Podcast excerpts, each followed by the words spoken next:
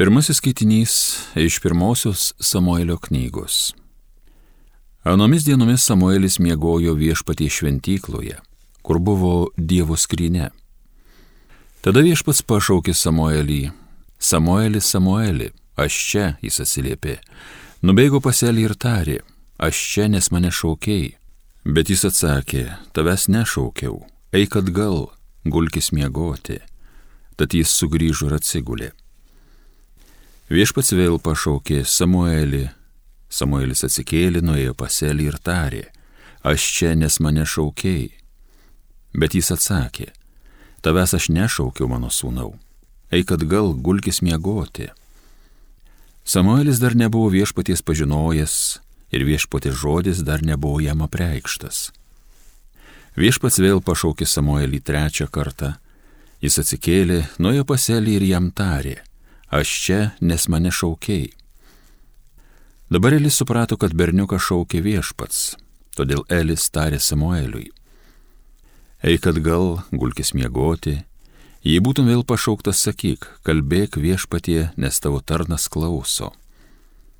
Tada Samuelis sugrįžo į savo vietą ir atsigulė miegoti. Viešpats atėjo ir ten stovėdamas pašaukė kaip pirma - Samueli, Samueli. Samuelis atsakė, kalbėk, nes tavo tarnas klauso. Samueliui augant viešpats buvo su juo, nepalikdamas neįvykdyto ne vieno savo žodžio. Tai Dievo žodis.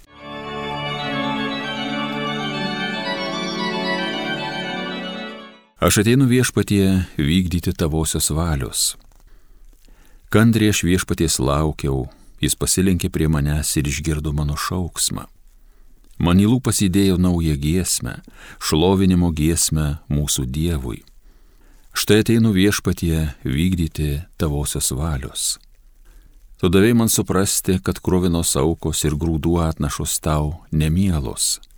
Deginamosios aukos, nei atnašų už nuodėmę tu netrokšti. Tada tariau, štai ateinu aš. Štai ateinu viešpatie vykdyti tavosios valios. Raštų rytinyje man atskleista viskas, mano džiaugsmas Dieve vykdyti tavąją valią. Tavo mokymą širdį aš nešioju. Štai ateinu viešpatie vykdyti tavosios valios. Didžiojoje sueigoje skelbiau tavo išganimo rūpestį, savo lūpų netramdžiau, tu viešpatie turi tai žinoti. Štai ateinu viešpatie vykdyti tavosios valios.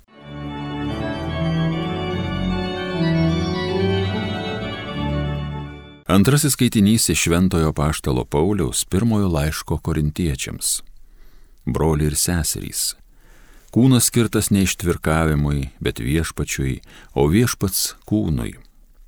Prikėlęs viešpatį, Dievas ir mus prikels savo galybę. Argi nežinote, kad jūsų kūnai yra Kristaus nariai? Taip pat, kas susijungia su viešpačiu, tampa viena dvasia su juo sergėkitės palaidumo. Jokia kita žmogaus daroma nuodėmė nepaliečia kūno, o ištvirkelis nusikalsta savo kūnui. Ar nežinote, kad jūsų kūnas yra šventovė jumyse gyvenančios šventosios dvasios, kurią gavote iš Dievo ir kad jūs nebepriklausote patys savo? Iš tiesų esate brangiai nupirkti, tad šlovinkite Dievą savo kūnu. Tai Dievo žodis. Alleluja, alleluja, alleluja. Radome Mesiją, tai yra Dievo pateptąjį Kristų. Per jį atėjo tiesa ir malonė.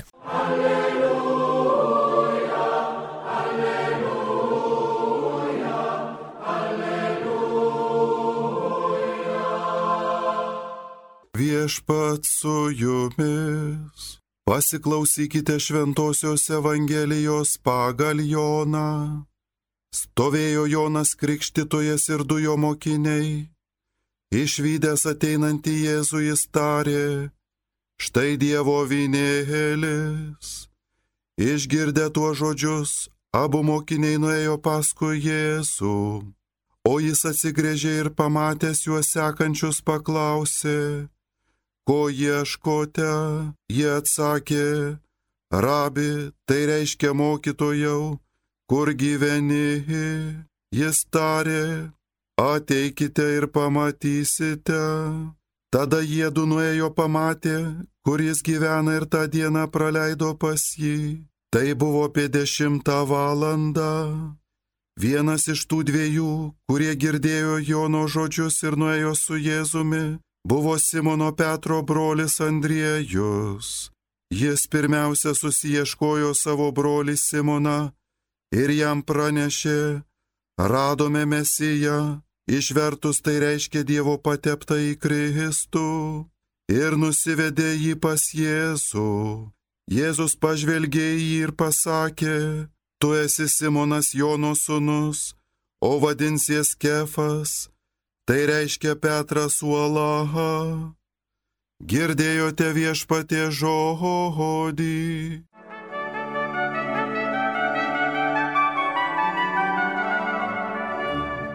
Mėly Marijos radio klausytojai, šiandien pirmajame skaitinį iš Samuelio knygos nuskambėjęs žodis mane išgazdino, sukrėtė. Tai žodis apie Samuelio pašaukimą. Baisus tas žodis, sukrečiantis, skaudus, nuo jo gelia širdį. Anomet viešpatė žodis retai pasigirzdavo, nebuvo dažni neregėjimai. O ar mums šiandien kitaip einasi? Ar nėra tie žodžiai ypač aktualūs ir skaudus šiandien? Dievo žodis retas skamba to skaitinio pradžioje tiesa trečiadienį, o šiandien sekmadienį nepakartoju. Dievo žodis retas, reiškia Dievas tarsi nutylo. Iš tiesų, kiekvienas mato, bažnyčios tuštėja. Visame pasaulyje atsiranda bažnyčiose tuščių vietų net sekmadieniais. Samuelio knyga ir pasakoja, kad ta tuštuma baisiai grėsminga, Dievo žodis retas. Ar Dievas pasitraukė nuo mūsų ir nutylo, ar mes kalti, ar atbūkome kaip kunigo Elio, senojo Elio sūnus. Nebėra ausų girdinčių Dievo žodį. Mūsų ausis aptuko, kaip Elio ausis aptuko, akis aptemo, mėguistos. Taip, taip. Pats liūdniausias mano gyvenime kalėdinis sveikinimas. Vienuolis Bedigno sveikinimas iš Vokietijos Olchingo. Dievo žodis jau nebeveikia. Nutylo, nebėra veiksmingas Dievo žodis, nebėra aštrus, nebėra prasiskverbiantis iki kaulų smegenų, iki kūno ir dvasios atšakos Tiesa, tas žodis skaitomas net dažniau negu seniau. Ir pamoksluose nagrinėjamas po vieną žodį, po vieną eilutę, tiesiog mesinėjamas, bet jis nebeveikia. Jis nebėra aštrus, jis nebedegina. Taip, taip, nebėra ugningų pamokslų pas mus. Išsikvėpė Dievo žodis kunigų lūpose. Ir net nebėra atsivertimų jau nebegirdėti, kad būtų atsivertęs žmogus, kad būtų atėjęs prie Dievo stalo dešimtmečius nebebūvęs. Ir aš galvoju, kad ne nebeįmanoma mūsų bažnyčia atsiversti. Tikrai nebeįmanoma. Žmogus gyvenęs baisiai, bjauriai, 30 metų nebuvęs iš pažinties, staiga atlikdavo viso gyvenimo išpažinti ir ateidavo prie Dievo stalo. O kaip dabar tai padaryti žmogui, jei jis nekarto gyvenime nebuvo išpažinties, jeigu jis suaugo be išpažinties, jeigu jis jau savo vaikus leidžia pirmos komunijos taip pat be išpažinties. Taip, taip, kaip jam tada atsiversti ir ateiti išpažinties į visą gyvenimą gyveno be išpažinties ir be išpažinties primdavo komuniją, Dievą. Mūsų klebonas uždraudė man tikybos pamokose net užsiminti vaikams apie išpažinti. Atseit vaikai nenusideda, neturi nuodėmių. Tai jis atsisakė mano paslaugų, ruošiant vaikus pirmai komunijai. Nes aš kalbu apie išpažinti. Apskritai, kunigai pas mus nemėgsta atgailos sakramentų. Daugelį parapijų nėra jokios galimybės atlikti išpažinti. Taip, dairykitės Vokietijos bažnyčiose. Niekur neklausoma iš pažinčių, tik tai kai kur parašyta, jeigu žmogui prisireikia pokalbio su kunigu iš pažinties, nurodyta telefonas, kur kreiptis.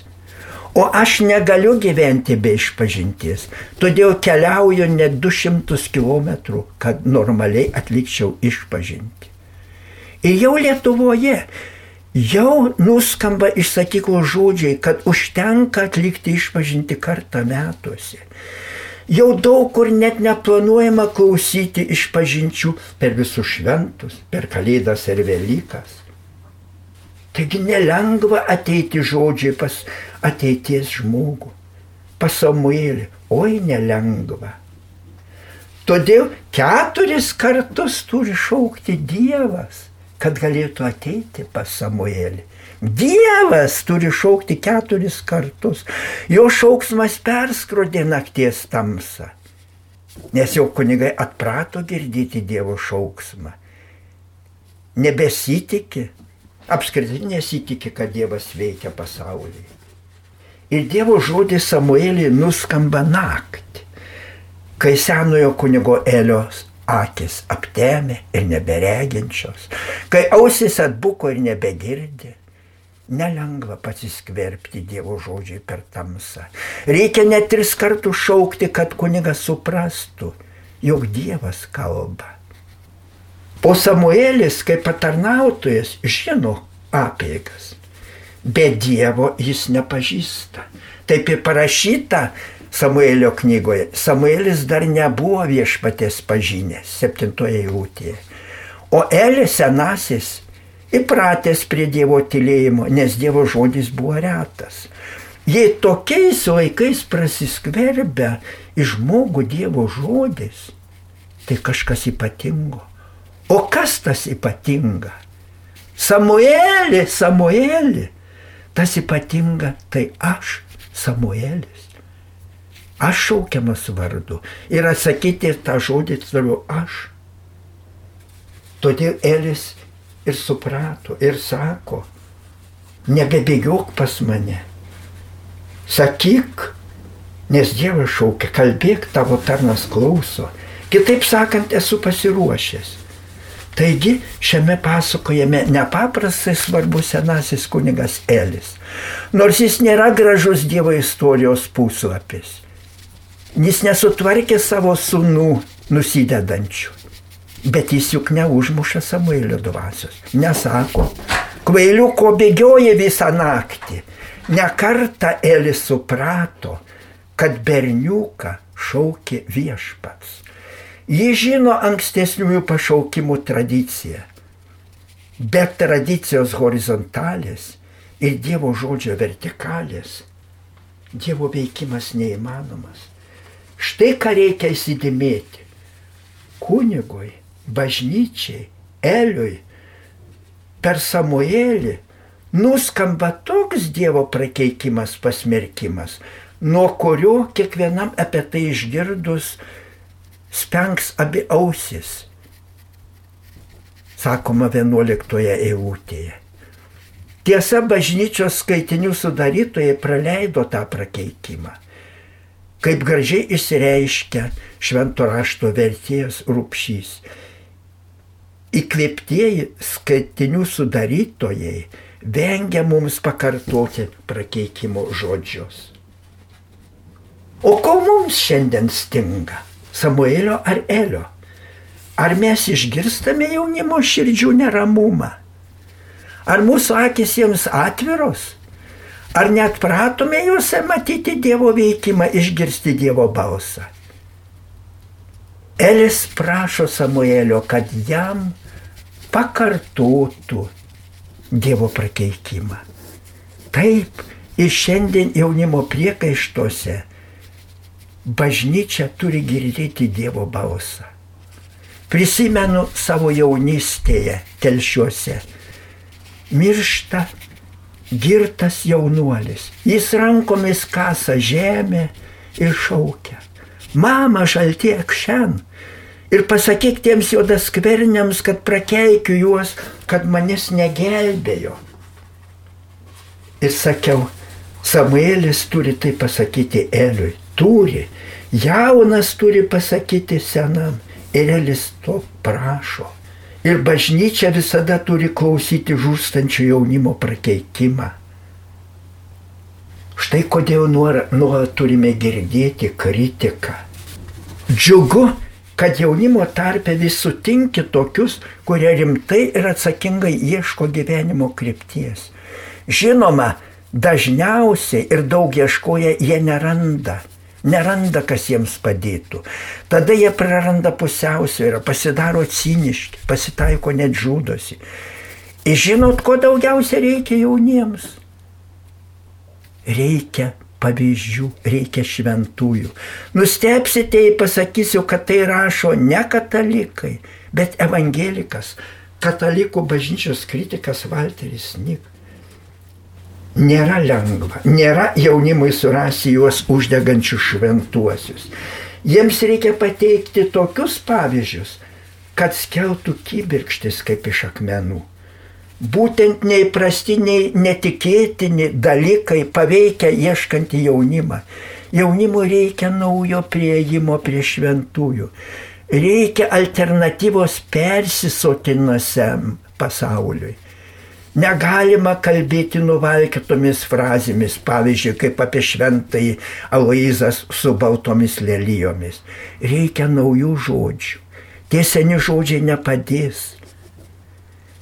Jaunimas nepaprastai jaučia, ar kalbama, ar kalba tikra, ar plaukia iš degančių širdies, ar tik dangstomasi autoritetų.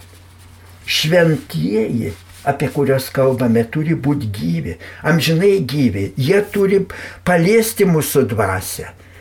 Kas su jais neturi kontakto, neturi teisės apie juos kalbėti. Ir dar vieną dalyką atminkime. Tie, kurie smerkia bažnyčią, yra arčiau bažnyčios negu abejingieji. Su jais turime nesiginčyti bet melstis už juos. Geriau kalbėti Dievui apie nusidėlius, negu nusidėliams apie Dievą ir tikėjimą. Vokiečių viskupas Aileris sako, kiekvieno dvasininko teisėjo širdis turi būti savo. Motino širdis žmonėms, o nusikaltusio vaiko širdis prieš Dievą. Šitaip mes turime gyventi šitaip atsiliepti į Dievo pašaukimą, šitaip išgirsti. Amen.